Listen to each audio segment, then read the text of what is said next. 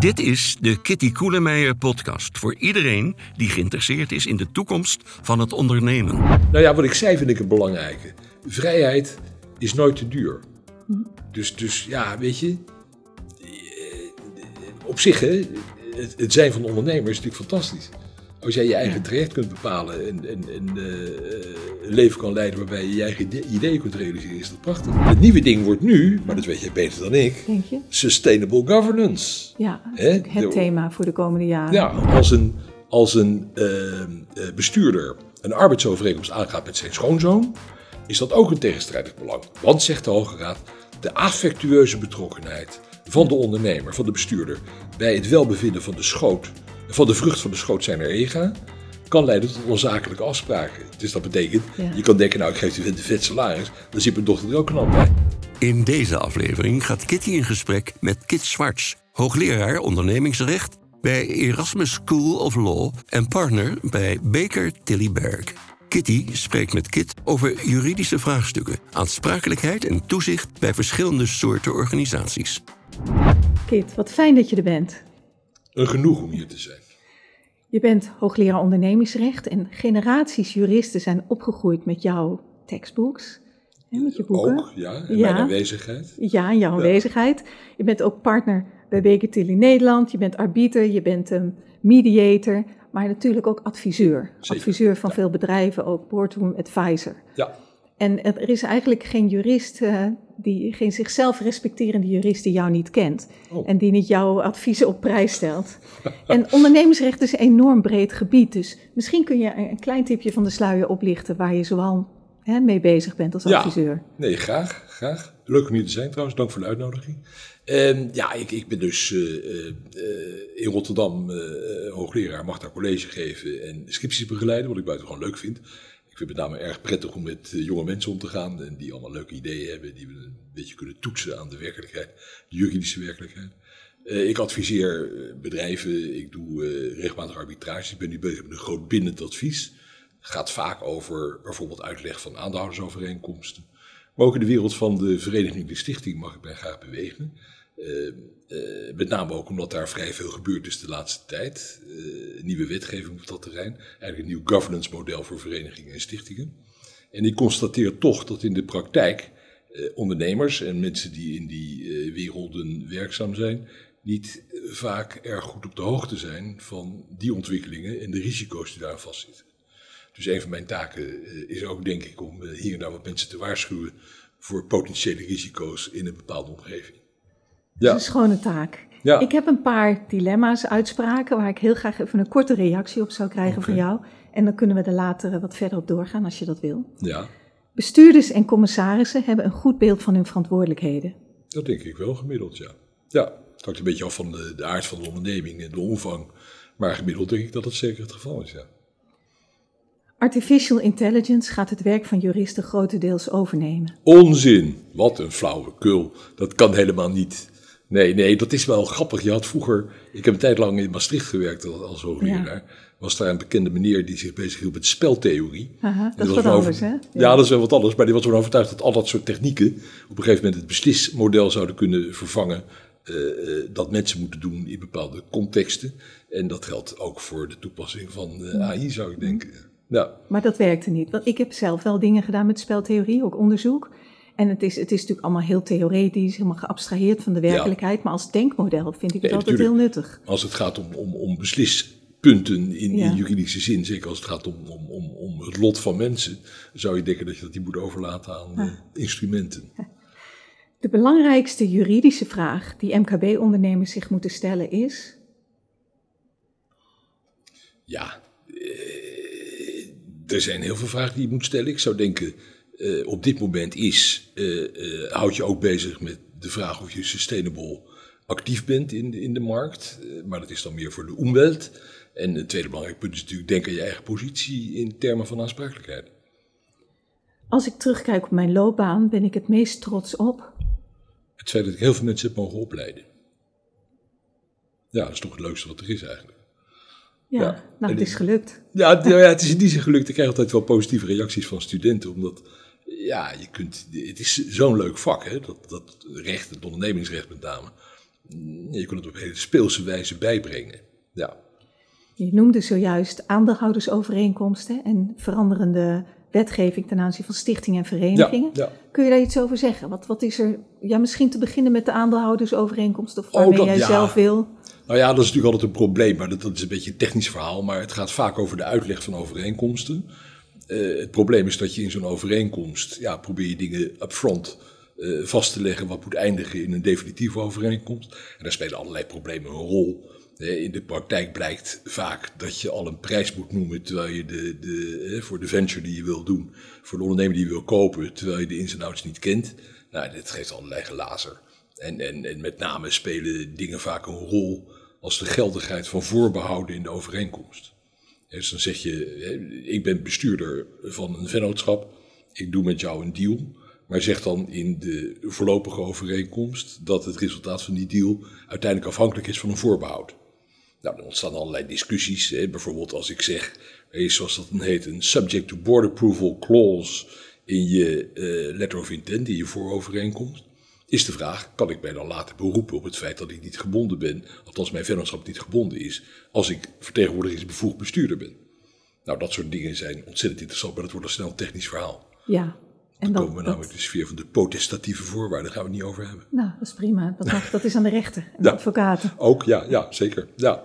Nee, nee, ja, daar verder, eh, überhaupt, hè, de uitleg van overeenkomst is natuurlijk een belangrijk, eh, belangrijk element in de praktijk. We hebben dan, dan eh, ja, daar allerlei benaderingen voor. Eh, eh, moet je textueel kijken, moet je zoals Engels denken dat de tekst bepaalt wat er, wat er gebeurt. Waardoor je van die overnameovereenkomsten krijgt van 300 pagina's. Of moet je zeggen, nee, wij sluiten een overeenkomst en vervolgens is de uitleg aan ons. En als we er niet uitkomen, aan een mediator, een arbiter of een rechter.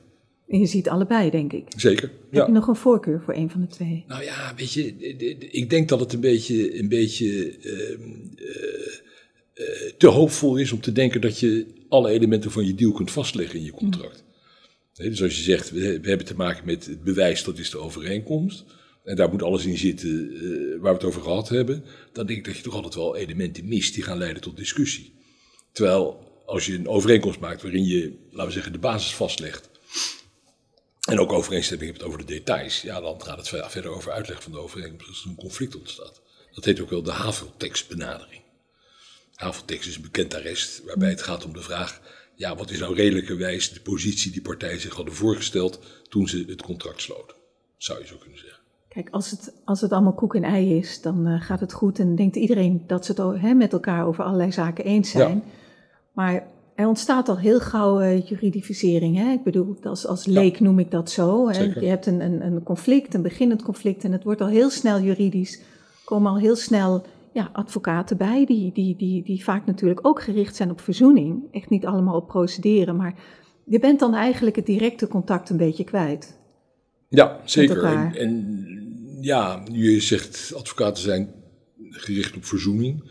Ik zie ook wel eh, andersoortige bewegingen waarbij die advocaten juist partijen uit elkaar lijken te drijven. En Maakt het dan uit of je M&A-lawyers hebt of litigators? Of, of is het gewoon het, het, de professie van de- nee, lawyers, dat zijn de, de, de lui die de contracten eh, eh, zeg maar voorbereiden en, en begeleiden.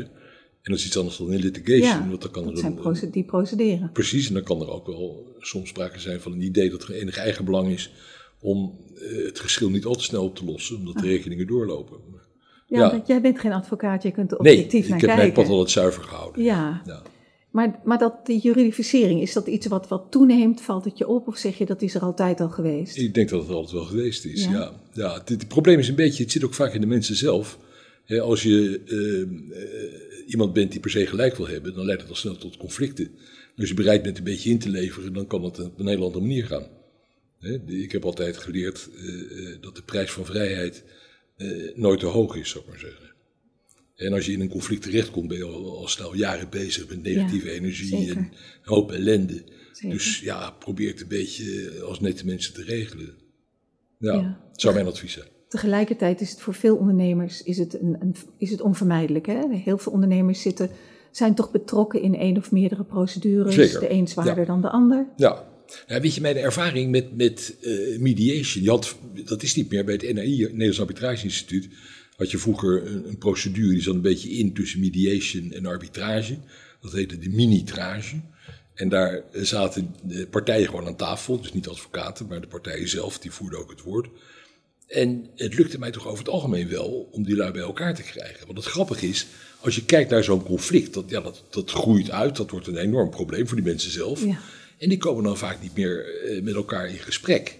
En het grappige is, als de lui dan aan tafel zitten met iemand die, nou niet dat ik mezelf zo, zo, zo belangrijk vind, maar een zeker gezag uitstraalt, dan kun je daar hele spannende dingen mee doen. Ik had ooit een keer zo'n zitting Waarbij het waren twee, een, een, dame en een heer die geen relatie met elkaar hadden, anders dan een zakelijke. En die werkten iets van 30 jaar met elkaar samen en toen ging het mis. Door een of ander raar fenomeen kregen ze een enorm conflict. En dat, dat werd steeds maar breder en advocaten betrokken, weet ik het allemaal. Op een gegeven moment kwam ik daar in een soort van mediation positie bij. En op een gegeven moment zei ik, ja, jullie gaan 30 jaar terug. Hoe kan dit nou zo gaan? En toen zaten ze allebei een beetje met, met de mond vol tanden. En dat kan dan heel goed werken in het kader van het vinden van een oplossing. Het is ook een beetje enlarging the cake, zoals dat heet. Ja, en dus wie doet dat? Wie doen dat? Nou, mediators doen dat. De commercial mediators, als het goed is, doen die dat. Ja, mhm. ja dat kan heel goed werken. Het is aan de andere kant, het idee dat mediation altijd werkt, is ook niet zo. Als partijen een conflict willen of één partij niet mee wil, dan kun je mediaten tot je een ons weegt. Maar er wordt er toch niks, weet je, want je bent nergens aan gebonden. Ja, en ik, ik, ik heb natuurlijk zelf wat, wat, uh, ja, wat toezichthoudende functies, heb ik wat ervaring in. Maar dan zie je soms ook dat eigenlijk van je verwacht wordt, van een partij verwacht wordt dat, dat die mediation ingaat. Ja. Maar eigenlijk al bij voorbaat weet dat dat het niet wordt. dus dat doe je dan omdat het goed staat en van je gevraagd wordt. Omdat het ja, Of dat de rechter later zal zeggen, je hebt toch je best gedaan om tot een oplossing te komen. Ja. Ja. Maar ja, dan is het niet zo effectief. Je moet er wel open ingaan. Het voordeel van, van mediation is dat je, dat je, zoals het heet, ook in kolkens kunt gaan. Dus je kunt met één partij praten. Je hoeft niet de hele tijd met twee partijen te praten. Dus je kunt ook een beetje heen en weer lopen. En op die manier ook een beetje sturen. En, en het, is, het, is eigenlijk, het is buitengewoon, het kan een heel goed traject zijn. Ja. ja, en je doet het met plezier, begrijp ja, ik? Ja, ik doe alles met ja, plezier. arbitrage ook. Arbitrage ook, ja, dat is ook buitengewoon leuk. En, en wat is nou het kenmerkende van arbitrage? Hè? De uitspraak blijft natuurlijk vaak geheim. Ja, is, is bindend. tenzij die gelijk uitlekt. En dat gebeurt ook vaak, dat, dat advocaten de uitspraak lekken naar de krant. ja, ik was een tijdje geleden betrokken bij een hele grote arbitrage. Die stond een dag later in het Financiële Dagblad. Ja, maar eh, in beginsel is dat uh, vertrouwelijk. Het grote voordeel is, ja, er zijn ook mensen die zien alleen maar nadelen. Maar het grote voordeel is dat het, als het goed is, snel gaat als partijen mee willen werken. En uh, dat ook als het goed is, je deskundigheid hebt uh, bij degene die het geschil moeten beslechten. Dat heb je natuurlijk bij rechters ook, maar die zijn niet op alle terreinen ingevoerd. Nee. En, en uh, ja, dat is een belangrijk voordeel. Maar met name de snelheid en de kennis op het terrein. Ik denk dat dat een belangrijk voordeel is ten opzichte van een, een juridische procedure hm. bij een burgerlijk rechter. Ja. Ondernemingsrecht is een enorm breed veld. Zijn er nou, uh, kun, je, kun je de geschillen typeren? Zijn er nou een aantal. een, ik, ik, spreek natuurlijk als niet-jurist tegen je, dus ik hoop dat je daar wat begrip voor hebt. Zijn er nou wat, ja, wat, wat issues, wat geschillen waarvan je zegt, ja, dat, dat komt er gewoon steeds weer terug. En, en iedereen denkt dat die uniek is, maar het, ik, ik heb dat zo vaak gezien. Ja, ja, ja weet je, het is natuurlijk het, het, terrein is, zoals je zegt, heel erg breed. Dat betekent dat de problematieken heel erg breed zijn. En op al die verschillende terreinen zie je weer eigen problematieken ontstaan. En die variëren ook ondergelang de stand van wetgeving en dergelijke zaken. Bijvoorbeeld de personenvennootschap, de mm. maatschap, vennootschap onder firma en communautaire vennootschap. Er wordt al sinds de jaren 50 wordt er hard gewerkt om dat te moderniseren en om te bouwen naar een rechtsvorm met rechtspersoonlijkheid. Een rechtspersoon is een fictie van het recht. Hè. Je kunt niet zeggen, er loopt een stichting of er zit een vennootschap. Nee, die bestaan helemaal niet. Maar wij hebben een, een idee opgebouwd, niet wij, dat deden de Romeinen eigenlijk al, waarin je aan een bepaalde organisatie rechtssubjectiviteit toekent. Dat wil zeggen, je wordt dan zelfstandig drager van rechten en plichten. Dus dat betekent, als jij als ondernemer je bedient van een rechtspersoonsvorm, is in theorie jouw persoonlijke aansprakelijkheid er niet meer. Want de claims vallen dan in het vermogen van de rechtspersoon. Nou, dat is een beetje het idee. En, en uh, dat zou ook moeten gebeuren bij de maatschapsachtigen. Maar dat vlot tot niet erg. Hè? We zijn nu een jaar of zeventig verder en toen nog steeds die vlotten. Eenmanszaak natuurlijk ook, hè? Dat is daar wat lastiger. Nou ja, daar heb je altijd die persoonlijke ja. aansprakelijkheid. Ja. Het zaaksvermogen samen met het privévermogen. Ja. En zodra dat niet zo is, ja, heb je dus, dat heet dan shielding of uh, responsibility. Dan, dan dek je je privévermogen af als het goed is. Ja, Vaak is het niet goed. nee. En ben je bestuurder of toezichthouder bij een organisatie met rechtspersoonlijkheid, wat dan toch leidt tot persoonlijke aansprakelijkheid. Ja, hoe zit dat? Nou ja, hoe zit dat? Ook dat is een interessant punt. Maar ik, zou je, eh, als je het goed vindt, even Zeker. meenemen in de wonderenwereld der verenigingen. Heel graag. Heel graag. En waarom, waarom uitgerekend verenigingen en stichtingen? Nou, omdat daar net zoveel gebeurd is. Want daar is per 1 juli 2021 ingevoerd eh, de wet bestuur en toezicht rechtspersonen. en die wet die werd getriggerd door een aantal eh, schandalen, zou je kunnen zeggen. En die speelden met name in de sfeer van de woningbouwcorporaties. En denk aan Vestia, Rochdale, eh, dat soort zaken. Maar ook in de gezondheidszorg. Faillerende ziekenhuizen, zeg het maar.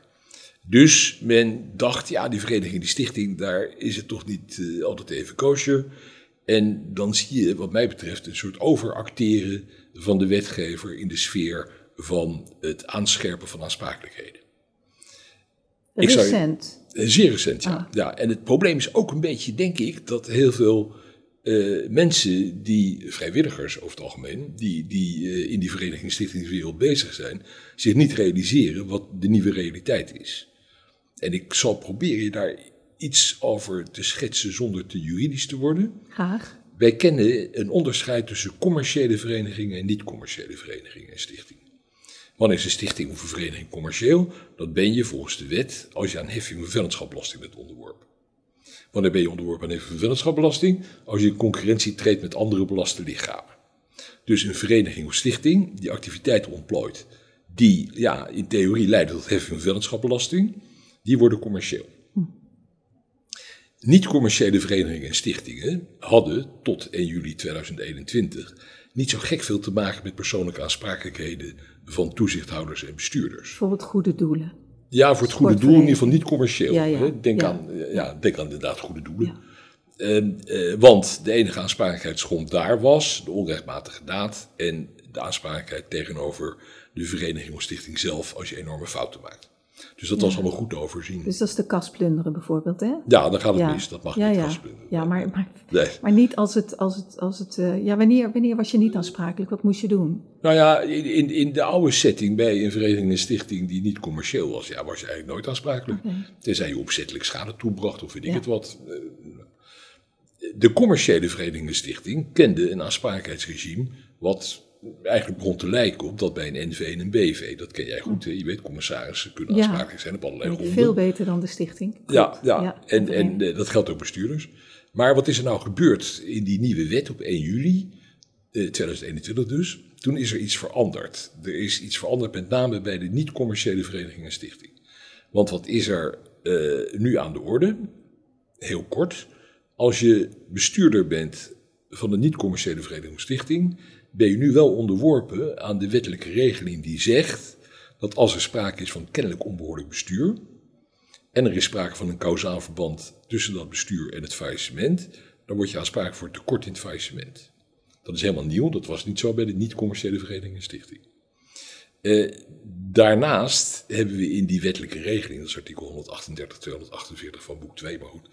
Daarin is ook bepaald in lid 2 van dat artikel dat als je bij een NV of een BV tekortschiet in je administratieplicht, of je publiceert je jaarrekening te laat, dan staat het onbehoorlijk bestuur vast en wordt vermoed het kausaal verband aanwezig te zijn en hang je dus in de prijzen. Ja, daar ben ik mee bekend. Ja, daar ben je mee Ja, bekend. En dan moet je dus, als je wordt aangesproken, zelf gaan aantonen, Ja. niet dat het geen onbehoorlijk bestuur was, want dat is er, maar dat er geen kausaal verband is tussen dat Ja. bestuur en het faillissement. Die regeling is nu ook van toepassing, dat was die al op commerciële verenigingen en stichtingen, maar ook op niet-commerciële verenigingen en stichtingen. Namelijk wanneer die vereniging of stichting, let op, een financiële verantwoording moet opstellen die gelijkwaardig is aan een jaarrekening van titel 9 van boek 2, dus de jaarrekening. Ja. Nou, de vraag is, wanneer is dat dan zo? Ik heb geen idee. Ik heb geen idee. Tweede vraag is, als jij zo'n financiële eh, eh, eh, verantwoording moet opstellen, ja, dan moet je die opstellen. En dan zegt dus de wet dat jij dan aansprakelijk bent op grond van lid 2. Dat wil zeggen, je wordt in persoon aansprakelijk. In beginsel, het kausaal verband wordt vermoed aanwezig te zijn. Als je de administratieplicht schendt, nou, daar kun je iets bij voorstellen. Als je helemaal geen boekhouding hebt, dan gaat het fout. Ja. Of je de publicatieplicht schendt van de jaarrekening. te laat. Maar verenigingen en stichtingen hebben geen publicatieplicht. Dus hoe kun je nou aansprakelijk worden op grond van een verplichting tot publiceren als je die niet hebt? Nou, dan moet je gaan uitleggen wat wordt dan bedoeld. Kijk je de toelichting bij die wet, daar staat helemaal niks. Dus daar moet je er maar wat van maken. Nou, dan zijn de mensen die zeggen, ja, daar heb je dus niks mee te maken. Je kunt dus niet aansprakelijk zijn op die grond. Anderen zeggen, nee, je moet het zo uitleggen dat je te laat bent met het opstellen van je financiële verantwoording. Nou, dat zijn dingen die onzekerheid creëren in die wereld. Ik vraag me dan af, waar komt zo'n wet vandaan? Ja, Is daar niet goed over nagedacht? wat, wat, wat, ik ben bang of, van niet. of is het een, een onzekerheid waarvan ze denken, laat de, laat de, de praktijk dat maar Ja, uitvechten? Ja, de- de- ik de kom daar zo op terug als je het goed vindt. Ja, Nog even, de commissaris, die bestaat niet bij Verenigingsstichting. Tenminste, in de oude setting had je raden van toezicht. Ja, of bestuur hè, had je dan. Ja, het bestuur en een raad Ja, van toezicht. ja. Vaak ook verplicht die raad van toezicht. Ja. Nu is het zo, per 1 juli jongst, eh, 2021 zijn alle raden van toezicht raad van commissarissen geworden. Ook al heten ze zo niet. Ook al heten ze zo niet. Dus dat betekent dat jij nu een aansprakelijkheid hebt als commissaris. Wat betekent dat dan? Dat jij meeloopt in die aansprakelijkheid die ik net schetste, die bestuurders hebben. Maar nog belangrijker is, het was tot voor kort zo dat de interne aansprakelijkheid, als ik bestuurder ben en ik eh, eh, breng schade toe aan de restpersoon, word ik aansprakelijk voor het vergoeden van die schade. In die regeling gaat het alleen maar over bestuur. Dat is artikel 9 van boek 2. Maar er zijn allerlei schakelbepalingen in de wet voorzien. Die zeiden ook commissarissen vallen onder die regeling. Dus als jij als commissaris tekort ziet Ja. in je toezichthoudende Ja. verplichting, kun jij aansprakelijk worden tegenover de restpersoon. Ben je goed bewust hoor, over het algemeen als Ja, dat is heel commissaris. belangrijk. Ja, Maar dat gold niet voor commissarissen bij vereniging en stichting. Maar geldt nu wel voor commissarissen bij vereniging en en niet stichting. commerciële. Ook bij de niet-commerciële. Omdat bij commerciële gold het ook niet. Of Ook wel? niet. Gold het ook niet. Nee, nee, nee. Dus je bent nu, als je in de Raad van Toezicht zit, gewoon commissaris. Met alle aansprakelijkheden van Ja. dien. En ik ben zo bang, en ik weet eigenlijk wel dat het zo is, dat in de praktijk men zich dat niet bewust is. En dat leidt ertoe dat je onder, onder omstandigheden aansprakelijk wordt gesteld. Terwijl je niet verzekerd bent op Kijk, bij geval. hele commerciële... Ik ben bijvoorbeeld lid van de Raad van Toezicht van Vereniging Eigen Huis. Ja, Dat is een, een commerciële dat is vereniging, vereniging, maar ja. dat, die is zo professioneel. Dat ja je, prima, je- hoef je minder zorgen te maken. Ja, ja. Maar dan nog, hè, eh, als je, als je commissaris bent en je denkt, ja, het is zo professioneel, het zal wel goed zijn. Dat denk jij natuurlijk niet. Moet je toch scherp blijven. Ja, Hè, want als er fout gemaakt wordt op de afdeling financiën, eh, hè, denk aan Vestia, dat in de Ja, tijd eh, ja. niet failleerde, maar wel eh, onder water ging. Daar was ook een raad van commissarissen. Die hadden geen idee wat er gebeurde. Nee, Tenminste, dat neem ik aan. ja, Die werden overigens niet aansprakelijk, omdat de aansprakelijkheid er toen niet was. Nu zou die er wel zijn. Ja, dus dat, dat is een uitdijende aansprakelijkheidssituatie. En ik denk ja, dat niet iedereen zich daarvan bewust is. nee. En wat, wat, ja, je zegt, ik maak me daar zorgen over. Ja, Ehm, dus ik mag er graag over praten. In, ja, maar wat, wat moet er dan gebeuren? Hè? Je, je moet Ja. ze bewust maken. Ja, Eh, je verwacht, lopen de eerste procedures al? Nou niet dat ik weet op dit moment. Het loopt wel procedures, maar niet specifiek Niet in het van de nieuwe regeling. Maar hoe ga je daar dan mee om? Wat moet je dan doen als raad van commissarissen? Je je moet je verzekeren om te beginnen. Oh. En dan moet je ook nog eh, kijken naar hoe je je verzekert. Je moet bijvoorbeeld zien dat je in die verzekering niet op dezelfde pot zit als het bestuur. Want er kan een, een clash komen tussen bestuur en raad van commissaris. En je moet ook altijd kijken, vind ik, of apart verzekerd is je proceskosten. Ja, als je maar één pot hebt en er wordt geclaimd, ja, binnen de kortste keren loopt die pot leeg vanwege de kosten van de advocaten. en voor jou als eh, ja, doorgewinterd jurist is zo'n zo'n verzekering, DNO-polis, hè, Ja. denk ik, Ja, misschien goed te lezen, maar voor een doorsnee commissaris is het abracadabra. Hè? Want daar zitten vaak, je, je, je- hij wordt afgesloten, je controleert of, er een, of het betaald wordt elk jaar. ja, En je laat er misschien juristen naar kijken. ja dat zou ik zeker Maar in die, in die polis zitten vaak heel veel lagen. Daar zitten allerlei bepalingen in. Voor een niet-jurist lees dat, lastig. is dat Ja. lastig. Dus je, Ja. vaak als je toetreedt tot een raad van commissarissen, is er een DNO-polis. Je, je vraagt natuurlijk wat het gedekte bedrag is. Je, je kijkt of de, poli, of de premie elke keer keurig betaald wordt. Ja. Maar als ik jou zo hoor, zou je nog veel verder moeten kijken in die Maar polis. je moet je in ieder geval laten adviseren daarover. ja, ook over een, ja, Als je het niet begrijpt, dan moet je iemand hebben die het wel begrijpt. Want je moet, ja, je moet weten waar je toe bent. En weet je, en dat soort dingen, ik, ik- ja, waar ik me ook zo over verbaasd heb, als ik mag. Hè. ja zeker. Er is, er is, eh, wij, wij kennen de NV en de BV. Hè? Ja. De eh, BV is sterk gemoderniseerd bij invoering van de flexibele BV in 2013. En wat het verschil is gebleven tussen NV en BV, is dat de NV wel en de BV niet toonderaandelen kan uitgeven. ja, Een toondercertificaat kan uitgeven. Anoniem hè, is dat. Dat is anoniem. Ja. Dat is, hè, zoals opa vroeger, die had zijn aandelen in de kast Ja. liggen. Ging hij naar de algemene Kijk, ik ben opa, ik heb duizend stemmen, ik heb duizend aandelen. En iedereen kon ze pakken. En Precies. te En je kon je maken. couponnetje eraf halen en dan kreeg je je dividend. Hartstikke leuk. Bij de NV was dat het gebruikelijk model. Maar bij beursvennootschappen bestaat het tooneraandeel eigenlijk niet meer. Het bestaat nog wel, er liggen- er nog heel veel tooneraandelen in de kelder ergens. Maar die worden ook niet meer gedrukt bij een nieuwe beursgang sinds een aantal jaren. Wordt er nog maar één aandeel gedrukt. Dat heet de Global Certificate. En daar wordt dan iedereen geacht virtueel een deel te nemen. Want die stukken, ook de aandelen, worden verhandeld in het systeem van het giraal effectenverkeer. Ja. In het systeem van het giraal effectenverkeer kan degene die toegang heeft tot dat systeem zien wie de UBO, een smerig woord eigenlijk, maar wie de UBO is van het aandeel. Nou, dat is fijn, dan, hè, dan kun je dus mensen ja, Ja. in de gaten houden. Bij de niet beursgenoteerde NV bestaat, althans bestond, nog het gewone toonerstuk. Nu zijn er niet zo gek veel NV's meer, maar dat zijn er toch nog zo'n 8.000, 9.000 in Nederland. In Nederland Ja. zoveel. Wat, Ja. zit daar, is daar een gemeenschappelijke deler? Wel, wat voor soort bedrijven zijn dat? familiebedrijven. Familiebedrijven. Kijk, in 1972 kwam de BV in beeld als een vluchthaven, omdat anders iedereen zijn jaarrekening zou moeten gaan publiceren. Op basis van de eerste Europese richtlijn. Alle NV's moesten gaan publiceren.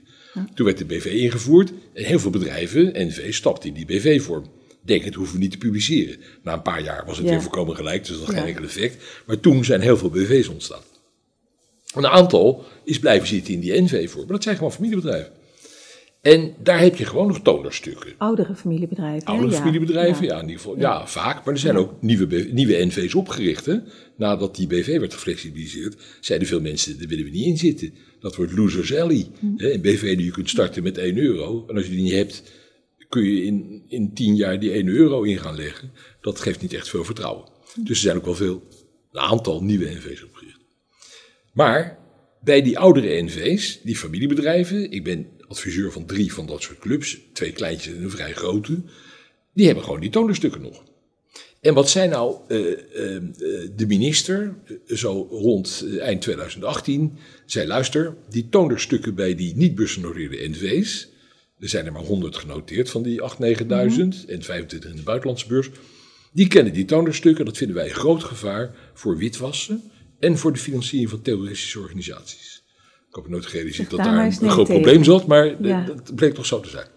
En toen is Is dat ingevoerd... echt een probleem? Of is dat gewoon het, identificatie? Ja, er is een soort neiging om alles, Ja. eh, ja. alles te kunnen controleren. Dat is misschien ook prima hoor. Ja. Maar het gaat mij een beetje om de manier waarop. Wat is er toen gebeurd? Toen is ingevoerd op 1 juli 2019 de wet identificatie toonderaandelen. Wat stond er nou in? Staat inmiddels in boek 2 van het burgerlijk wetboek. Daarin stond dat als jij toonderaandelen had, moest je die inleveren bij de vennootschap. Hetzelfde geldt voor toondercertificaten, maar dat laat maar even rusten. Inleveren bij de vennootschap voor 1 januari 2020. Op 1 januari 2020 waren alle dividendrechten opgeschort op die aandelen. Er was er geen stemrecht meer. Dus dat aandeel was eigenlijk niks meer. In die wet stond ook dat per 1 januari 2021 alle tonerstukken die niet waren geconverteerd in een naamstuk, want het idee was je moest ze inleveren Ja. en werd je genoteerd als naamaandeelhouder. Ja. Als je dat niet had gedaan op 1 januari 2021, dan werden alle aandelen die niet waren ge- omgezet naar naamaandelen van rechtswege aandelen van de vennootschap. Oh. Dus je hebt helemaal geen aandeel meer. Je hebt helemaal geen stemrecht meer. Je hebt helemaal geen dividendrecht meer. Ook niet opgeschort, dus er ontstaat geen reserve.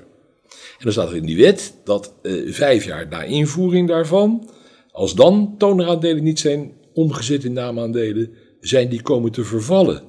Wat zei u? Ze zijn komen te vervallen. Is dat dan niet in strijd met het eigendomsrecht? Nou, gaan we niet Ik over zie in gedachten allemaal laadjes met toonde aandelen waar niemand aan denkt. Nou, het probleem is dat in de praktijk, naar mijn ervaring, geen sterveling weet dat er geen rechten meer aan die toonderaandelen Hoeveel verbonden zijn. procent heeft, heeft inderdaad omgewisseld? Eh, Weet je dat? Je geen weet idee. niet wat er nog ligt. En wat er... Nou, ik zou je vertellen dat er eh, heel veel NV's zijn die geen idee hebben dat er aan de aandelen die bij die aanhouders berusten geen stemrecht verbonden is en geen dividendrecht verbonden is. Dus de praktijk is nu, en ik heb het eh, aan de lijve meegemaakt, dat die kennis er niet is. Bij beursvennootschappen natuurlijk wel. Ja. Hè, want dat dat had nog een ander probleem met, met daar gaan we het nu niet over hebben. Maar in de praktijk, in die familie-NV, weet niemand dat dat een probleem is. Nee, dus de mensen worden opgeroepen om te stemmen of mogen Mensen stemmen. stemmen, besluiten over benoeming van bestuurders, stellen dividenden vast. En het is allemaal niks. Het is ook niet een, een, een, een besluit dat je kunt bekrachtigen, want het is niks. Maar daarmee is zo'n AVA uitslag ongeldig geworden. Ja, het is helemaal niks. Er is niks gebeurd. Maar dan, vo- dan voldoe je ook niet aan je verplichtingen als NV. Zeker. En als de tent zou failleren, Ja. heeft de curator natuurlijk een fantastische dag. Want alle dividenden zijn, zijn bepaald zonder dat daar een grond voor was. Ja. Bestuurders zijn benoemd, die hebben salaris ontvangen terwijl ze geen bestuurder waren, zeg allemaal maar. En dat is natuurlijk toch raar. Dus ik adviseer aan, aan eh, uiteraard bij de, de, de betere kantoren, of de, de goede kantoren, Ja. Baker Tilly, eh, die eh, leggen contact met de NV's die zij kennen om dat probleem voor te leggen en Ja. mensen te adviseren dat aan te passen. En als je dat niet doet, wordt het een bende. Maar dat probleem is groot, zeg jij. Volgens mij is het groot, omdat Ja. van die 8000 NV's, ik denk het overgrote deel geen idee heeft dat het een probleem is. Maar dat heeft ook te maken met communicatie van wetswijzigingen. Hè? Dat, Zeker. dat, is, dat, dat is een taak van de overheid, denk ik. En Ja, de, accountantskantoren en de, die, die moeten daar natuurlijk eh, Ja, die aan moeten dat ook doen. Die, die proberen dat ook wel, maar die zien dat toch wel, of niet? Ja, ook niet allemaal ben ik bang. Nee, nee, ja, het, het is een probleem, laat ik het zo zeggen.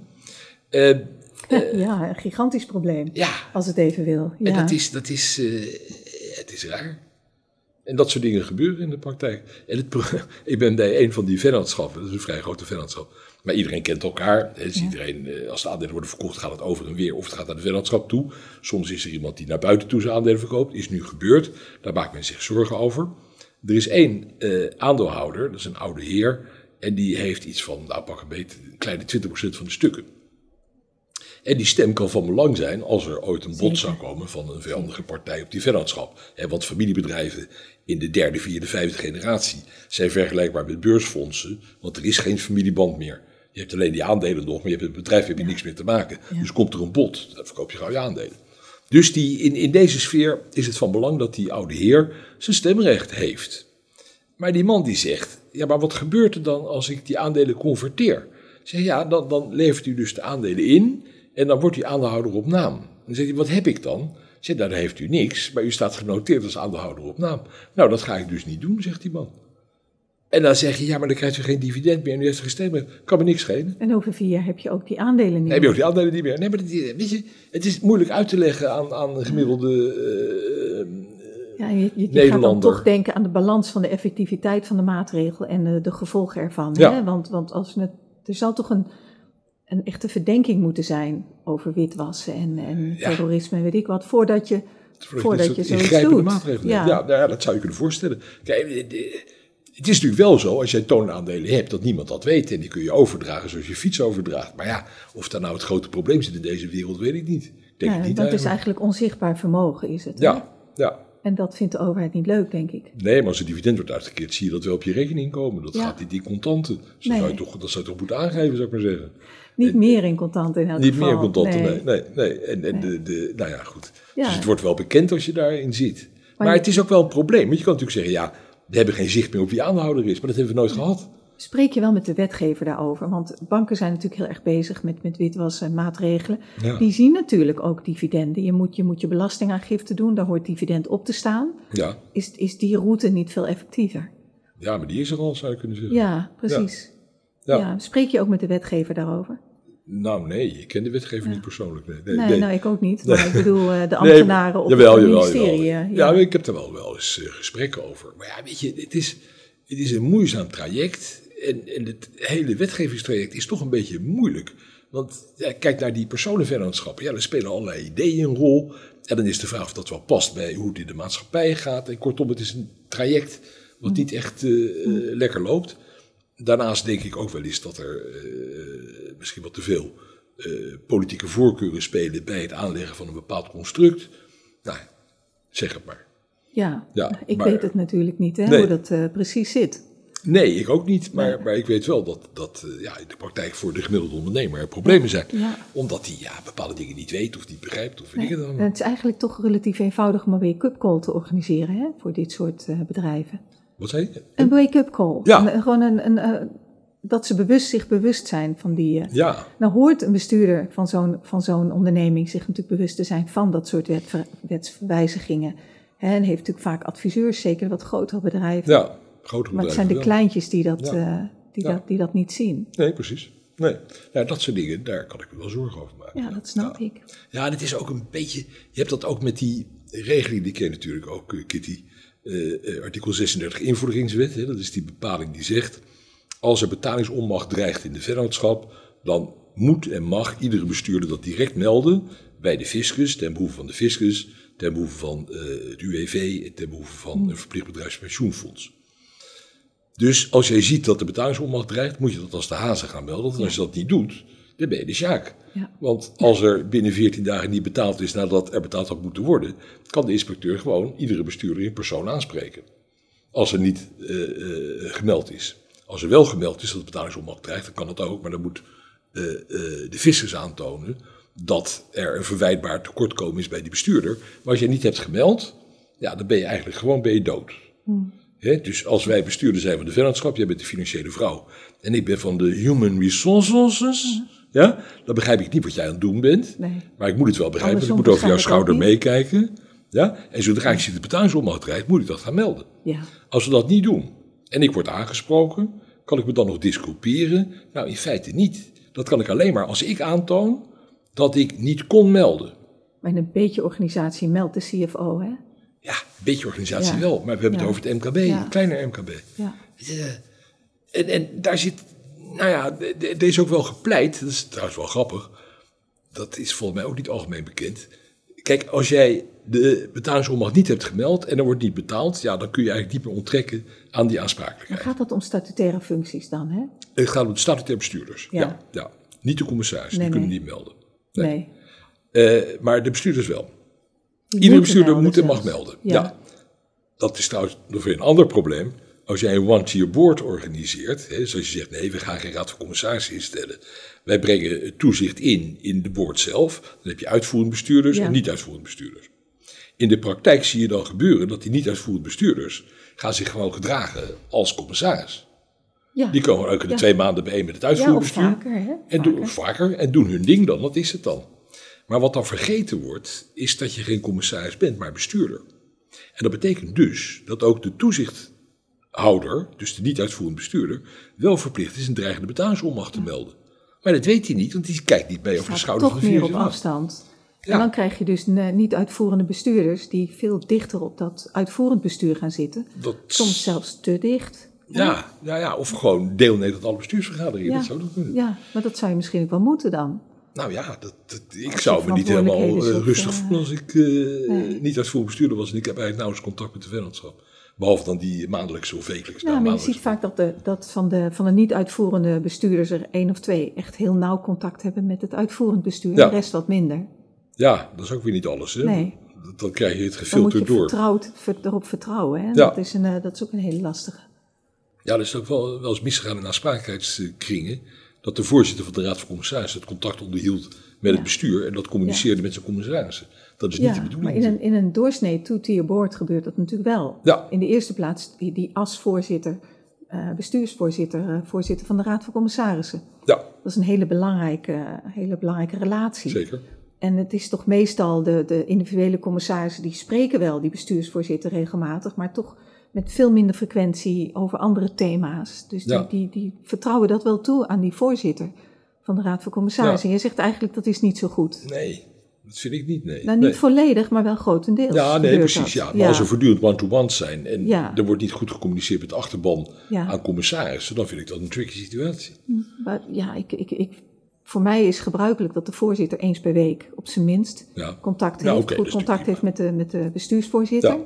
En, en dan, als het zo uitkomt, ook met anderen. Ja. Maar die, de, de andere vicevoorzitter misschien wat frequenter, maar de rest toch niet, eh, niet in die mate. Niet met die niet eens eens per maand. Dat gaat echt via de voorzitter vaak. Ja, Ja, ja. En hoe, hoe, wat is volgens jou een aan te raden frequentie voor vergaderingen van raden van commissarissen? Nou ja, kijk, wat, wat, eh, je hebt natuurlijk de, de, de, wettelijke, hè, de, de vastgestelde frequentie. Dat is zes tot acht vergaderingen per jaar. En Ja. dan tussendoor wanneer nodig. En dat kan, dat kan een hogere frequentie zijn. Als er een, Ja. als er een incident is, als daar aanleiding toe is, dan kun je elkaar elke week willen spreken. Hè? Ik heb dat ook wel meegemaakt. Ja, ja, zeker. Of wanneer dat maar nodig is. En dan roep je het bij elkaar en dan gebeurt het. Maar het kan ook zijn dat het wat minder. eh, dat er, dat er geen dingen zijn die onmiddellijke aandacht vragen van de commissaris. En dan heb je gewoon de vastgestelde vergaderagenda. Ja, nu zit jij natuurlijk in de, in de, in de eh, grote bedrijvenwereld, in de haute finance. nee, als maar je- ook in de kleinere Ja, bedrijven. Ja. je alleen maar. Ah, Ja. Nee, maar als je in, een kleiner bedrijf zit, mijn ervaring als commissaris bij, bij ja, wel een bedrijf waar de familie de meeste aandelen, aandelen houdt, maar anderen ook wel Ja. eh, in bestuursfuncties zitten, is dat ik toch wel hechte aan eh, zeer regelmatig vergaderen. Bijvoorbeeld één keer of twee keer per jaar overleg, raad van commissaris met de ondernemingsraad. Ja, maar dat gebeurt overal. Tenminste, dat, dat maak ik heel vaak mee, ja. Nou, ja. met de MKB is dat niet gebruikt, want Nee. de bestuurders willen dat vaak niet zo fijn. Nee, dat Terwijl het wel heel nuttig is. Ja, maar dat is absoluut nuttig. Ja. Ik vind dat ook belangrijk. Ja, Ik, ik eh, ja, dan, dan, mijn ervaring is dat dat gebeurt en dat je dat voorstelt dat het gewoon Ja. gebeurt. En dan vaak wil de bestuurder er wel bij zitten, ja, zeker bij kleinere ondernemingen. Maar dat, ja, ik dacht dat het tegenwoordig toch wel... eh, je moet er niet bij zitten, die bestuurder. nee, maar dat... komt er die- niks dat, uit. dat- Ja, nou, soms. Maar dat dat contact, eh, dat, dat, dat moet er gewoon zijn. Ja. Dat, dat ben ik helemaal met Nee, je eens. Ja, je ziet ik kom niet tegen niet- dat dat niet, eh, niet kan of niet gebeurt. MKB eh, Ja, ja, misschien, goed. misschien zit ik dan toch bij het iets grotere ja, ja, ja, eh, MKB eh, in het verleden. ja, zeker. Ja. Maar het is, eh, ja, het is interessant. Kijk, de dynamiek is natuurlijk vreselijk leuk. Ja, je moet wel je knopen tellen. Maar die aansprakelijkheid van die one-tier board, dat is natuurlijk wel echt een aandachtspunt. Is een aandachtspunt, ja. Ja, ja en daar, ja. Ja, weet je, het, het idee is ook, eh, dat ook weer zo ontzettend grappig. Hè? Ik weet niet of het te technisch is, maar als je kijkt naar de regeling van de one-tier board, dan staat er in de wet dat je hebt de uitvoerend bestuurders en niet-uitvoerend bestuurders. Ja, Maar een orgaan is een orgaan. Dus al die bestuurders vormen samen het orgaan. Een orgaan is, het, is de instantie die besluiten neemt in de vennootschap en die daarmee de wil van de vennootschap bepaalt. Er is een mooi boek verschenen. Besluitvorming, eh, bestuur, bestuursbesluiten. In Rotterdam is een mooie pil. Ik heb er aan ook voor niet-juristen goed te lezen. Nee, Oh. is volkomen niet leesbaar Nee, voor niet. duidelijk. Sorry, kan het niet goed leg het dan maar even uit Nou, hier. nee, oké, ja, ja. De gedachte is dat ehm, ehm, in zo'n one-tier board eh, heb je dus één orgaan, maar om te bewerkstelligen dat een bepaalde factie, dus de niet-uitvoerende bestuurders en de uitvoerende bestuurders, kunnen besluiten zonder dat ze de hele tijd bij elkaar aan tafel zitten, is er een bijzondere bepaling in de wet opgenomen, voor de liefhebber, artikel 239a lid 3 van boek 2 en 129a lid 3 van, bij de NV van boek 2.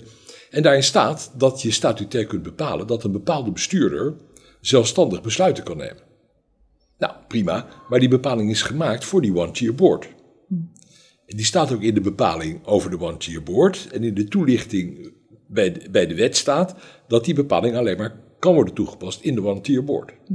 Wat zie je nou in de praktijk gebeuren? Dat notarissen gewoon in BV's waar geen one-tier is, bepaalt dat bestuurders zelfstandig kunnen besluiten over bepaalde aangelegenheden.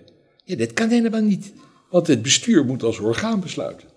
Nou, dat soort dingen, dat wringt een beetje. En, en, en ja, Dus een bestuurder besluit individueel over gelegenheden die het gehele bestuur aangaan. Nou ja, ja, zeker. Ja, want, het bestuur moet besluiten. En nu zeg je nee, jij mag alleen besluiten Ja. over de uitvoering en ik besluit alleen over het toezicht. Ja, Maar dat kan alleen maar omdat die bijzondere wettelijke bepaling er is. Anders zouden we samen moeten besluiten. ja. Want je weet, het besluit is de vrucht van het onderling overleg. Maar daarmee heb je die aansprakelijkheid van die, niet, van die non-executives heb je wel afgedekt, of niet? Nou ja, dat is dus de vraag. Ja. Want, want als je dus zelfstandig besluit, besluit jij niet. Jij besluit Nee. over de uitvoering, jij maakt het Ja. is ondenkbaar, maar jij Nee. maakt een enorme fout. Maar je mag ook niet besluiten dan, hè, als non-exec. Of, of moet je opeisen dat je deel wordt- gaat uitvormen van die, hè, Kijk, het gaat uitmaken van die het orgaan besluit, alleen jij Ja. mag het zelfstandig. Ja, Dus jij doet dat ook. En Ja. die kan jou eigenlijk niet terugfluiten, want jij hebt die bevoegdheid. ja, dus de rest kun je niet, kan jou niet Nee, terugfluiten. maar de vraag is, word ik nou geraakt door jouw besluit? Ja, Antwoord is ja, want het besluit wordt toegerekend aan het orgaan. ja, Dus ik ben niet af van de aansprakelijkheid. Ik kan me alleen wel makkelijker disculperen, Ja. onttrekken aan aansprakelijkheid. Door te zeggen, ja, maar Kitty besloot zelf. Ik wist helemaal niet dat ze besloot Nee. had. Want ik was op vakantie. ja. En Nou. dan kun je zeggen, dan had je maar moeten zorgen dat je het wist. Ja, nou, je kunt, als jij het zelfstandig mag doen, kun je dat aardig gebruiken om te zeggen, Ja. ja, ik was er niet bij betrokken, het was haar besluit. Maar je bent wel, in, in theorie, ben je aansprakelijk, omdat het Ja. besluit wordt toegerekend aan het orgaan. Ja, het zijn fantastische dingen, toch? Het, hele, het, hele, ja, het hele gedoe over orgaan en besluitvorming is ook waanzinnig Ja. interessant. Het, het leidt tot fantastisch in de zin van, van eh, fantasieren, fantasierijke situaties leidt het toe. ja, maar wat dacht je van ja. de praktijk? Hè? Stel nou voor, dat zie je regelmatig gebeuren. Wij zijn allebei bestuurder van onze vennootschap. En we zijn allebei zelfstandig vertegenwoordigingsbevoegd. En uiteraard ook samen. Nou, de vraag is, stel nou voor, jij, jij eh, eh, weet ik het wat, jij geeft uitvoering aan iets waarover niet besloten is. Nou, dan kun je zeggen, luister, dat kan je helemaal niet doen. Want er moet een besluit zijn en dat kun je vertegenwoordigen. Ja? De praktijk is dat bestuurders gewoon maar wat doen, zou ik maar zeggen. Maar daar zit een zekere spanning in. En dat is, een interessant, interessant vraagstuk. Want, uh, bijvoorbeeld, je ziet in de praktijk gebeuren als er ruzie is, dat een bestuurder een enquêteprocedure gaat starten. Je hebt de ondernemerskamer in Amsterdam. Ja. Dan kun je terecht als, er, eh, ja, als de belang van de vennootschap op het spel staat. Ik heb daar ook een paar keer gestaan. Ja, ja. Nou, denk Centric, denk, als, denk dat soort zaken. Als commissaris, ja. ja. Wat je dan in de praktijk ziet, is dat één bestuurder, die doet een verzoek tot enquête. Ja. ja, ik zeg dat kan niet, want het bestuur moet besluiten en dan kun je het besluit vertegenwoordigen. Ondernemingskamer zegt dat maakt ons geen donder uit. Wij ontvangen, dat, ontvangen die vennootschap gewoon, want er is een probleem, dat gaan we oplossen. Oh, dus een, een, een, een, een meerhoofdig statutair bestuur, ja. is er één bestuurder die dat aanvraagt? Nou ja, iemand vraagt het aan, maar dat doe je namens de vennootschap, terwijl het bestuur niet besloten heeft. Daar zit een zekere spanning in. En dat soort dingen zijn zo interessant. Ja. Vind ik en waar leidt dat dan toe? Hè? Kijk, nou, dat leidt tot een hoop narigheid. Ja, onderlinge twist natuurlijk. Ja, wat je bij stichtingen wel ziet, is dat uh, er twee bestuurders zijn. En dan besluit één bestuurder de andere te ontslaan. En wat je dan vaak ziet, is dat de andere bestuurder besluit die andere te ontslaan. Ja, dan zijn de rapen weer gaar. Dat is leuk voor de advocaten. Ja, zeker. Ja, Dan ben je bij de rechter, dan ben je een tijd verder. Intussen gaat het bedrijf wankelen als het bedrijf in die stichting zit. Dus het is waanzinnig interessant. Ja. Dus een, een, ik denk een goede tip is voor de ondernemer die leest niet zijn statuten, die kijkt niet naar overeenkomsten. Maar laat dat toch zo nu en dan eens even checken. Ik denk dat je zo één keer de twee, drie jaar ook bij personenvennootschappen je contract moet laten bestuderen. En kijken of het nog wel passend is bij wat je op dit moment beleeft in je onderneming. Net zoals je je algemene voorwaarden, die zul je ook wel hebben, denk ik, waaronder je opdracht aanvaardt, die moet je ook één keer per jaar checken of het nog allemaal wel passend is. Ja. En dat gebeurt vaak niet. Voor veel ondernemers is dat een gewetensvraag, hè? want ik denk dat het vaak niet gebeurt. Nee. En statuten worden ook vaak gezien als een verplicht iets waarvan ik als niet-jurist, even in algemene zin, uh, geen kennis van heb. Dus ik laat dat aan de notaris, zal wel goed zijn. Ja. Gedaan, fijn, daar zijn we er mooi vanaf. Dan kijken we nooit meer naar. Liever niet. En als er, als er dan echt iets verandert, natuurlijk weer wel. Maar ja. zeker niet elke 1, 2 jaar. Nee, maar het probleem is, als je dat niet doet, dat het zomaar kan door bijvoorbeeld door turbulentie in je onderneming, door het veranderen van een bepaalde richting, weet ik het wat, dat het allemaal niet meer past. En ik, ik vind het denk ik wel een nuttige investering om dat iemand te vragen. Om gewoon één keer de zoveel tijd, één keer de twee jaar, weet ik het, die stukje te bestuderen en te bezien of daar dingen moeten worden aangepast. Maar voor niet-juristen leest het moeilijk. En eigenlijk zouden ze een uitleg moeten krijgen, hè? Een, een, een, een, eh, een begrijpelijke uitleg. Want het in begrijpelijke taal opschrijven lukt niet, want daar heb je juist de juridische taal voor en die, die is veel efficiënter. Ja. Maar daar zit natuurlijk toch een, een, kloof, hè? Niet, niet voor niet-juristen en mensen die, die zijn bezig met hun bedrijf, met ondernemen. Die willen gewoon lekker zaken Ja, en die, die kunnen dat niet. Uh, ja, ik bedoel, hoe intelligent ze ook zijn, het is gewoon heel lastig te lezen. Zeker. En verder is het slaapverwekkend natuurlijk. Ja, dus hoe, hoe los je dat dan op? Nou ja. Want ze ook al lezen ze het. Dan lezen ze doorheen en denken ze, ja, het zal wel. Ja. ja. Ja, ik weet niet, kijk, de notaris zou moeten toelichten wat hij doet dat doet hij ook wel door het voorlezen van de akte, maar vaak doet hij dat heel verkort. Ja. En ook als hij het voorleest, dan begrijp je het ook niet. Weet je? Dus je zou eigenlijk moeten hebben dat daar wordt uitgelegd wat wat betekent. Aan de andere kant hoef je ook natuurlijk niet alles te weten, maar het is wel goed om, om, om een check te hebben. Als het om je eigen onderneming gaat, zou je alles moeten weten, denk ja, ik. Maar ja, weet je, Kunnen weten. Als je alles van vertegenwoordigingsbevoegdheid af moet weten en, en wanneer de binding is en wanneer niet. Daar moet je ook een studie van maken, weet je. Maar is er niet, is er, heel veel bepalingen, statuten zijn toch standaard? Ja, zeker. Dus er moet toch een manier zijn om daar een hele begrijpelijke tekst van te maken?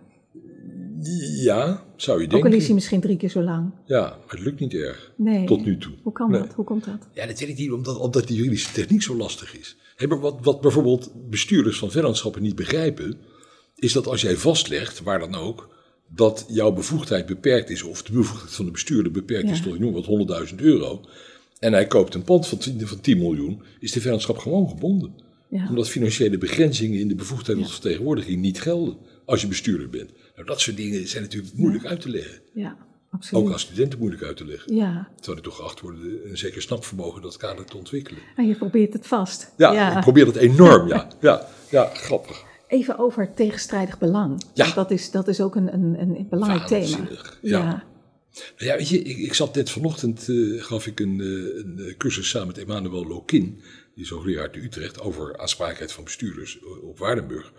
En, en ehm, eh, als je nou kijkt naar de, bijvoorbeeld de hele, de hele benadering van eh, selectieve betaling bijvoorbeeld. Hè, wat je in de praktijk vaak ziet. Een ondernemer, ja, het gaat mis. Hè, de onderneming staat op omvallen. Eh, de vrouw of de man wil het faillissement gaan aanvragen. Maar vraagt zich af, kan ik nou bepaalde crediteuren, ZZP'ers vaak die voor hem werken, Ja. betalen voordat ik het faillissement aanvraag? Omdat ik het ze gun.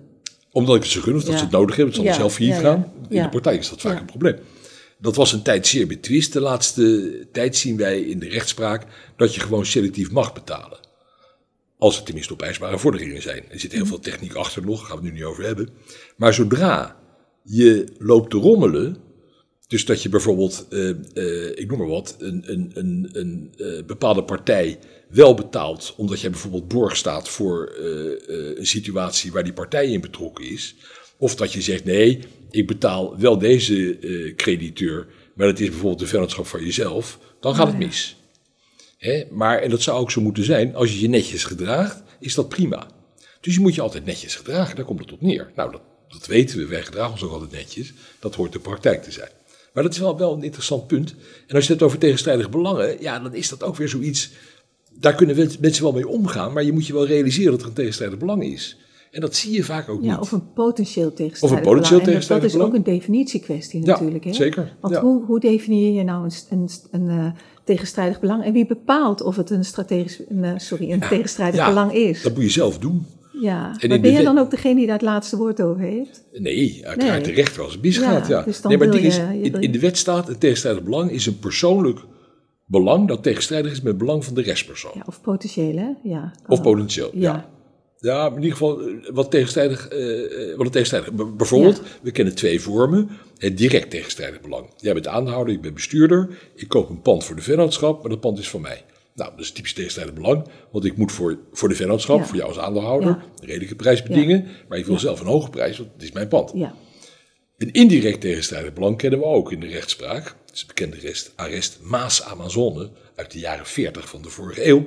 Ik was toen nog jong, jij was nog heel erg lang niet. Nee, ik was ook niet. ja, was er ook niet. Nee. ik. Maar eh, daar zegt de Hoge Raad, als een, als een eh, eh, bestuurder een arbeidsovereenkomst aangaat met zijn schoonzoon, is dat ook een tegenstrijdig belang. Want, zegt de Hoge Raad, de affectueuze betrokkenheid van de ondernemer, van de bestuurder, bij het welbevinden van de schoot, van de vrucht van de schoot zijn er ega, kan leiden tot onzakelijke afspraken. Dus dat betekent, Ja. je kan denken, nou ik geef die vet salaris, dan zit mijn dochter er ook knap bij. Ja, maar daar worden ook vaak familiebetrekkingen tot in de, wat is het, tweede graad Ja. uitgesloten. Hè? Ja. Of de derde. Ja, zeker. idee. Niet onbelangrijk. Ja. Dat komt daar vandaan. Ik Denk ook wel, ja. ja, Ja. Een beetje. Ja. Maar het Ja. is, het is eh, wij kenden ook andere tegenstrijdige belangen. Het was tot voor kort zo, althans tot 2012, dat als jij bestuurder en aandeelhouder was in één vennootschap en ook in een andere vennootschap, die liet je met elkaar contracteren, was altijd een tegenstrijdig belang. Ja. Dat kennen we nu niet meer, omdat de Hoge Raad heeft gezegd, nee, dat zullen normaal gesproken groepsgerelateerde transacties zijn. Dus daar is geen tegenstrijdig belang, tenzij blijkt dat het er wel is. We kennen ook nog de corporate opportunity. Als jij een corporate opportunity ziet, moet je die wel aanwenden voor de corporation en niet in je eigen knipje schuiven. Dat mag ook niet. Als je in dienst bent van die corporation. Als ja. je, als je bestuurder Ja, bent. bestuurder ja, bent, ja, want dan nou, dat pleeg je een onrechtmatige daad. Maar het geldt toch ook voor niet-bestuurders, hè? Het geldt ook voor, voor werknemers vaak. Maar werknemers die hebben geen, geen, geen beslissende invloed over het algemeen, toch? Natuurlijk wel. Ja, maar die kunnen ook opdrachten gunnen aan familie. Hè? Ik bedoel, nepotisme is van alle tijden. Dat kan. Dat is natuurlijk foute boel, maar die vallen niet onder de regeling van tegenstrijdige nee, belangen. dat valt daar niet onder. Nee, dat is gewoon een schending van je Gewoon verkeerd als en dan grijpt de, de lagen erboven grijpen in. Ja, het geldt natuurlijk ook als je kickbacks krijgt, als je bepaalde contracten laat dat afsluiten, dat soort dingen en zo. Ja. Mag, dat mag allemaal niet. Nee, nee En maar dat is wel heel duidelijk, hè? Ja. Dus voor je het weet eh, komen wij in, in, Nee. in een corruptiecircus terecht. ja, is vreselijk. Maar dat, dat is dus, dan is het de taak van, de, van het management daarboven om, om daarop toe te zien. Of van het bestuur. Of van het bestuur om Ja. daarop toe te zien, ja. En dan kijkt de accountant ook wel naar, hè? Dat je, Ja, dat je, ja, ja, dat weet ik, ja. ja, en, en terecht en goed. Dat, eh, maar dat gebeurt bij de corporates natuurlijk veel zorgvuldiger. Veel grondiger ja. dan bij het MKB. Daar, wordt, daar gaat de accountant daar natuurlijk... Ja, misschien Nou, die merkt het wel op hoor, Merkt hij het op? Maar dan, Ja. hoe moet je dat dan zien? Eh, je weet niet of iemand familie is. Je, Nee, dat is waar, maar je hebt het financiële controlesysteem, dat Ja, eh, via je ogen, wel. dat soort gedoe. Ja. Zo, je, maar, maar of jij een opdracht gunt Nee. aan een ver familielid, dat, dat, zien, Nee. dat zien ze Nee. niet, denk ik vaak. nee, maar daar wordt wel over gepraat dan. Ja. Maar ja, goed, dat is wel een hè. Ja. Ja. Nee, dat is best wel, best wel een interessant eh, punt en natuurlijk levensgevaarlijk. Data Ja. lekken moet je allemaal niet aan denken. Nee, en het is, ja, En het nieuwe ding wordt nu, maar dat weet jij beter dan ik, denk je? sustainable governance. Ja, dat is Hè? natuurlijk het De- thema voor de komende jaren. Ja, op Europees niveau wordt er hard gewerkt aan twee richtlijnen. Ja. We hadden net een initiatiefwetsvoorstel wat min of meer gekild is in, eh, in het eh, ambtelijk overleg en in de Kamer. Oh. Dat was het wetsvoorstel dat als jij in jouw onderneming, MKB ook, contracteerde met buitenlandse partijen, dat je toezicht moet houden op het feit dat die buitenlandse partij, die jou bijvoorbeeld belevert, dat die geen eh, mensenrechten schendt, geen eh, kinderarbeid, geen weet ik het wat. Nee. En als je dat toch doet, moet je ingrijpen. En als dat niet lukt, mag je niet contracteren. Nou, die richting gaan wij uit. Ja, En maar het ook aan scope 3. Ja, precies. Ja. Ja, CO2-uitstoot door de hele keten. zeker. Ja, Dat is wat je ook echt wel ziet een hoofdpijndossier hoor, voor veel ja, bestuurders. rechters stappen daar nu in. Hè. Die, die Ja. gaan gewoon op grond van onrechtmatige daad eh, gaan die sancties opleggen. En, en het ding is, een aantal jaar geleden, ik ben daar ooit een keer, heb ik een, eh, een eh, subsidie gekregen om er onderzoek naar te doen. Dat is heel lang geleden, 15 jaar, 20 jaar geleden. Eh, ik had daar een voorstel geschreven, dat heette maatschappelijk verantwoord ondernemen. juridisering van een, van een relatief onhelder normenkader. Nou, dat gaf direct een enorme subsidie, dat begrijp je. Maar toen riep iedereen, ja, dat moeten de grote bedrijven doen. Dat kunnen wij niet. Hè. Grote bedrijven die moeten sustainable produceren, maar kleine bedrijven niet. Dat zei toen ook hè, de voorzitter van de werkgeversvereniging, zei dat. En dat was natuurlijk een hele, hele laten we zeggen, strategisch eh, niet zo'n handige opmerking. Nee, en het is ook gewoon niet waar. Nee, en wat je nu ziet is dat de overheid die neemt niet af. Tenzij je kunt aantonen dat jij je keten in de gaten hebt. En weet dat er eh, geen palmolie Ja. ten koste van de baviaan of weet je die beesten eh, wordt geproduceerd.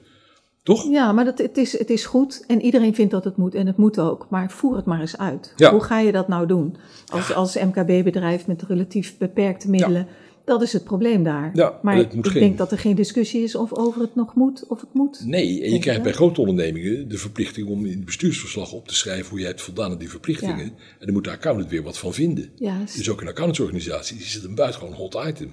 Bij, bij is daar een speciale taskforce voor ingericht. Daar wordt hard gewerkt aan dat soort problemen. Ja. Dat is reet interessant. En het is natuurlijk ook interessant omdat het goed is voor ons. Want als we zo doorgaan, ja, dan kunnen we de tent Nee, sluiten over een absoluut, paar jaar. absoluut. een en het, jaar, maar het punt is altijd bij, bij dit soort initiatieven dat, dat het, het toch een beetje aan de markt wordt overgelaten hoe je dat dan ook gaat doen, hoe Ja. je dat uitwerkt. En dat, dat is logisch, want je kunt dat niet helemaal in regeltjes Nee. vatten. Je weet soms ook niet wat onder een bepaalde maatregel echt wordt verstaan. Ja. Hè? Hoe je die, die CO2-uitstoot moet meten en hoe je hè, bijvoorbeeld kinderarbeid, eh, dwangarbeid. Ja. Ja. hoe, hoe kun je dat monitoren? In, Ja, een, in, een, in, een, wel, hè? in een keten die niet altijd transparant is. Dus Ja. je moet daar gewoon alles aan gaan doen.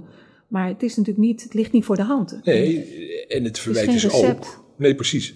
En het moet ook niet tick in the box worden. Eh, En het verwijt is ook dat, dat bedrijven, met name grote bedrijven, die krijgen de verplichtingen die staten zouden moeten hebben op zich geladen. Ja. En want als je kijkt naar die, die eh, nieuwe richtlijn in Europa in voorbereiding, daarin staat eigenlijk dat jij eh, eh, compliant moet zijn met pak een beet 90 of 100 verdragen. Die door de staten zelf niet worden, niet worden eh, uitgevoerd, zeg maar. En dat wordt een beetje over de schutting van de ondernemer gegooid. En dat is natuurlijk ook wel weer lastig. Ja. Dus je moet daar eigenlijk een balans in zien te vinden. Dat is helemaal niet zo makkelijk hoor. Nee, dat klopt. Dat is Nee. niet makkelijk. Nee, zeker. Ik wil nog even met jou, omdat je, je reageerde nogal fel op die bewering AI in de juridische wereld, hè? Ja, Voor advocaten, rechters. Hoe, hoe kijken jullie daarnaar? Je hebt natuurlijk ook eh, legal tech, hè? Dat, dat hoor je steeds vaker. ja fintech heb je. Ja, je hebt allemaal eh, techs. Je hebt heb construction je. tech. Je hebt Ja. al- ja. Er wordt heel wat afgetekend.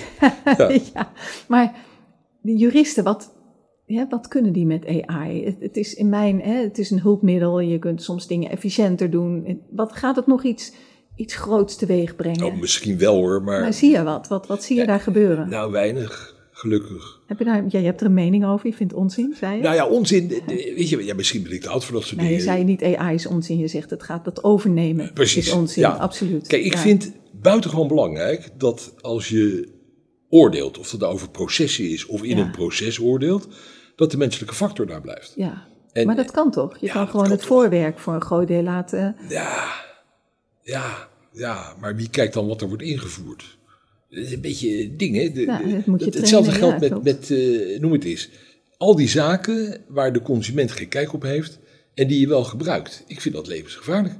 Als je kijkt naar al dat gedoe met, wat je ook ziet in, in eh, het grotere MKB, dat banken, met name in de agrarische sector, wilden dat als jij een lening sloot, dat je die afdekte met een, met een rentederivaat. Ja, nou, ga er maar aan staan.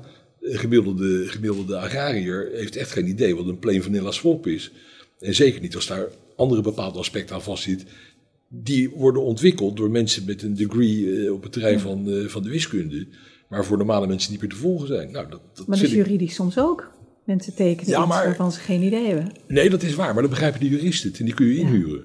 En je huurt meestal niet een, eh, een wiskundige in als je Nee, beter in de niet. maatschappij met een probleem zit. Nee. Dus het is, ja, maar misschien dat ik. Maar dat zie je misschien mogelijkheden? Dat je zegt, Ja, wellicht ja, maar ik, ik heb daar geen oordeel over. Als je kijkt naar die blockchain, wat natuurlijk op zich een buitengewoon aantrekkelijke gedachte is voor het, bijvoorbeeld het eh, afzekeren van, van ja, zeg maar situaties. ja, transacties. Ja, transacties, dat, Ja. kan, dat kan blijkbaar heel goed werken. Maar ja, ik begrijp niet hoe dat dan werkt. Het is gewoon een soort digitaal grootboek. Ja, maar een enorm groot boek, al- hè? Ja, dat kan gigantisch worden. Ja. Ja. Maar alles ligt vast en je kunt Ja. niks meer veranderen. Dus wat gebeurd is, is gebeurd. Ja, nee, dat, zijn, dat is natuurlijk mooi. Ja. Ja, maar het blockchain, ja, dat, dat duurt allemaal nog een leven. Maar ik dacht, misschien heb jij daar nog een, een perspectief op, hè? Vanuit Nee. jouw... eh, Heb ik niet. nou, nee. dat heb je wel, maar niet... Nou ja, eh, eh, niet in positieve zin. Nee, maar ik ben er gewoon ik ben er bezorgd over, omdat ik denk dat de menselijke maat, Hm. die wordt hoe langer hoe meer gemist in deze maatschappij. En naarmate het allemaal eh, meer highbrow wordt en, en en sneller. merk je dat ook in jouw vak? Nou ja, toch wel, ja. Je ziet toch, ja, dat zul je ook merken, dat, dat er ondernemers zijn die toch niet meer kunnen volgen op een bepaald moment. Nou, het- sommige hypes hoef je ook niet te kunnen volgen, maar ik begrijp wat je zegt. Ja, Ja, nou ja, het is, het, vaak wordt de, de, de, alles om het ondernemen heen heel gecompliceerd. ja, En dat is niet waar de ondernemer eh, mee bezig wil zijn. Die wil met ondernemen bezig zijn. Maar wat er omheen gebeurt, dat is vaak hetgeen hem afleidt. Welke ontwikkelingen zie jij wel de komende vijf tot tien jaar? Nou ja, wat ik net zei, ik, Ja. ik zie een belangrijke ontwikkeling richting, richting zorg voor de wereld, zou je kunnen zeggen. Ja. Dat, dat moet, Ja. moeten we van harte toejuichen natuurlijk. Eh, eh, eh, en ik zie, eh, denk ik, een steeds sterkere specialisering van ehm, adviseurs. Ik weet nou niet of dat heel goed is of juist niet heel goed is. Maar je ziet dat, dat mensen vooral op kleinere gebieden buitengewoon deskundig zijn. Dat is heel fijn voor grote ondernemingen. Want die kunnen de lui inhuren. Maar een kleinere ondernemer heeft toch een soort van generalist nodig. Die eh, zo goed mogelijk op alle terreinen die nodig zijn is geïnvolveerd. Dus als je studeert in een bepaalde beperkte richting. En je wordt vervolgens adviseur, advocaat. Ja, dan is de vraag of je eh, wel een breed genoeg vlak hebt op het moment waarop je start. Vind je de studies te, te gespecialiseerd al? Nou ja, je ziet Op- wel op steeds MSc meer dat er specialisatiezaken Op optreden. mastersniveau, ja? Ja, Oh. ja. En Dat is ja, niet altijd slecht, maar nou ja. Maar vooral in jouw vakgebied dan? Vind je ook, dat jullie... nee, maar ook, ook, ja. ook op het terrein van, fintech, waar we het net over hadden, en dat soort zaken, weet je. De- ja. En het probleem is ook vaak dat je, dat je natuurlijk industrieën ziet ontwikkelen waar we geen juridisch kader voor hebben. Nee, klopt. Dus je denkt dan aan daytrading en weet ik het allemaal. Ja, dat is allemaal nieuw, zeg maar. Daar moet je je juridisch systeem ook min of meer op aanpassen. Nou, je ziet natuurlijk ook wet en regelgeving is vaak eh, ja, door landsgrenzen. Hè? Dat, dat is, Ja. dat is op, door, door, door, door, door landen, naties, wordt dat bepa- bepaald. Terwijl de grote tech-ondernemingen, die, die zitten overal. Dat zijn ja, hele grote conglomeraten. En die, die trekken zich wat minder aan van wat een individueel land dan vindt. Zeker. En hoe belangrijk vind je dat, dat het in Europa veel meer gehomogeniseerd wordt? Hè? Dat, dat die wetgeving minder gefragmenteerd is. Hè? Dat Ja. er een level playing field komt. Zeker. Vind je dat belangrijk of maak Dat vind niet ik, nee, ja. kijk, eh, als wij als Europa sterk willen zijn, dan zullen Ja. we dat op orde moeten hebben. En wat je tot nu toe, ik generaliseer een beetje, ziet, is dat de richtlijnen die to- tot stand komen, ja, allemaal het resultaat van onderhandelingen zijn, waarbij toch Ja. relatief veel vrijheid wordt gegeven aan lidstaten om een eigen inrichting Ja. te kiezen. Dus die harmonisatie betreft van het ondernemingsrecht, vennootschapsrecht met name, is niet overal even geslaagd, zou je kunnen zeggen. En het grappige is om te zien dat het wel slaagt bij onderwerpen die geen, laten we zeggen, historische, culturele lading hebben. Bijvoorbeeld het jaarrekeningenrecht, ja, kun je makkelijk harmoniseren, want iedereen jaarrekening, ja, het zal allemaal wel. Dat is niet interessant. Maar als jij wil harmoniseren, ik noem maar wat, medezeggenschap van werknemers, vergeet het maar. Dat is allemaal door de, door Ja. de decennia Ja. heen ontwikkeld. En wij zeggen, ja, onze wet op de ondernemingsraad is top. Ja. En de Duitsers zeggen, die bestimmungsgesetz, dat zullen we hebben. Ja, nou ja, weet je, dus dat soort onderwerpen kun je niet harmoniseren. Waar komt jouw drive vandaan voor dit vak? Geen idee. Ja, ik vind het zo leuk. Vond je dat al een student? Ja. Of toen je jong was al? Nou ja, ik moet eerlijk bekennen, ik, ik heb eh, in oorsprong notarieel recht gestudeerd. En daar was ik nou niet echt, eh werd ik niet heel erg blij van. Totdat, ik deed het in Leiden, totdat daar een, eh, dat waren allemaal nogal oudere heren, die hele lange verhalen hielden op het terrein van het notariële recht, waar je niet echt van opknapte. Totdat er een jonge hoogleraar kwam uit, afkomstig uit Nijmegen, Martin Jan van Maurik. Die werd eh, hoogleraar eh vennootschapsrecht in Leiden. En het was alsof de gordijnen open gingen en het licht binnenviel. En dat heeft eigenlijk gemaakt dat, dat ik het vak zo leuk vond. Dus die, die ben ook bij hem gepromoveerd, hè, bij Van Maurik. Geweldig vent. Maar die had een enthousiasme voor dat vak. Ja, het is natuurlijk ook een fantastisch vak. Want het gaat over mensen, het gaat over Ja. geld. Wat wil je nog meer? En over milieu. En, En over rechtvaardigheid. En rechtvaardigheid en Ja. mensen, zeg het allemaal maar. Ja. Ja, en ik heb nooit eigenlijk eh, dingen als strafrecht, ik moet er allemaal niet aan denken, want, want wie ben ik om een oordeel te hebben over andere mensen? Je kunt het oordeel aan de rechter laten en de verdediging gaan doen, hè? Ja, precies, ja. ja maar ik zou, ik zou nooit dat soort zaken willen berechten, want, want, eh, eh, nou, Je bent ook rechter zelf? nee, nee, nee. Ook niet Bewust plaatsvervanger. Bewust niet. Bewust niet eigenlijk, ja. Ja, ik vind oordelen zo moeilijk. Ja, Ieder, ieder mens is tot het slechte geneigd. is dat zo? Ja. Dat zei de schrift in ieder geval. Ja. En eh, tot slot, heb je nog tips voor jonge ondernemers, managers? Mogen ook studenten zijn? ja, Misschien een levenswijsheid? Een levenswijsheid. Nou ja, wat ik zei vind ik een belangrijke. Vrijheid is nooit te duur. Dus, dus ja, weet je, eh, op zich, hè, het, zijn van ondernemer is natuurlijk fantastisch. Als jij je eigen Ja. traject kunt bepalen en, en, en eh, eh, een leven kan leiden waarbij je je eigen ide- ideeën kunt realiseren, is dat prachtig. Maar andere mensen gedijen veel beter op een ministerie als ambtenaar. Dus eigenlijk heel veel tips heb ik niet. Nou, maar ik vind dit een heel belangrijk. Ik ben het er hardgrondig mee eens. Ja, Ja, Kit, fijn dat je er was. Enorm bedankt. ja het was een genoegen. Dankjewel. Dank je. Dit was de Kitty Koelemeijer podcast. Als je dit gesprek interessant vindt en vaker dit soort gesprekken wilt zien of horen, druk dan op die bekende knop. Want dan weet je één ding zeker: de podcast van Kitty wordt vervolgd.